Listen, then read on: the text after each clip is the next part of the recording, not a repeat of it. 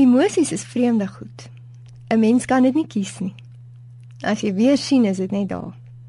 Die probleem is natuurlik nie die lekker emosies nie, maar daai donker emosies wat jou hier aan die hakskeen beet kry en jou aftrek.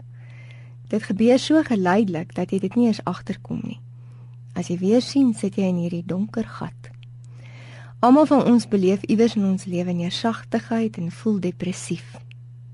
Die dilemma is natuurlik dat ons in hierdie quick fix kultuur leef waar dit glad nie gewild is om te sê dat jy emosioneel swaar kry nie en waaruit mens natuurlik ook so gou as moontlik probeer ontsnap.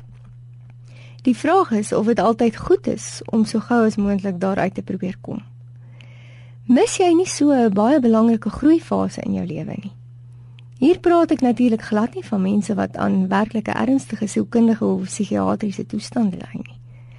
Ek het dalk nie beheer oor my emosies nie, maar ek het nogal beheer oor wat in my kop aangaan.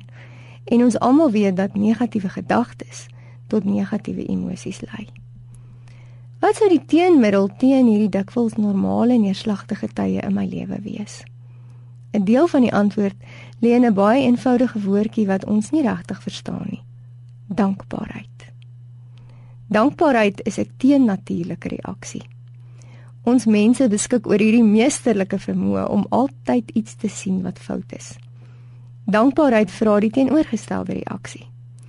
Miskien is die beste definisie van dankbaarheid die vermoë om God te sien in alles in jou lewe en aan hom erkenning te gee. Selfs in onwenslike situasies, soos wanneer die kinders beklei, wanneer ek nie uitkom met my geld nie, selfs wanneer ek werklik siek is. Daar is baie tekste oor dankbaarheid in die Bybel. Een hiervan is Filippense 4 vers 6 wat sê: Moet jy niks bekommerd wees nie, maar bid oor alles.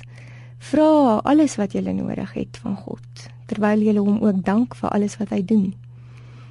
Dankbaarheid is 'n integrale deel van Christen wees. Dankbaarheid het 'n ongelooflike effek op mense gemoedstoestand. Dit verdryf die donker, en help jou om vrede te ervaar tot in jou terms. Party van ons moet bietjie harder daarop fokus om dankbaar te wees en ons vergeet dit nogal vinnig. Daar is een ding wat alle gelukkige mense in gemeen het en gaan toets dit. Hulle is dankbaar.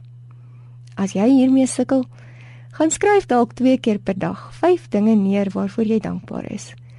Jy sal verbaas wees hoe vinnig jy perspektief op jou situasie kry. Ek daag jou uit. Word 'n dankbare mens en jy sal begin om God raak te sien, daar waar ander mense nie eers dink om hom te vind nie.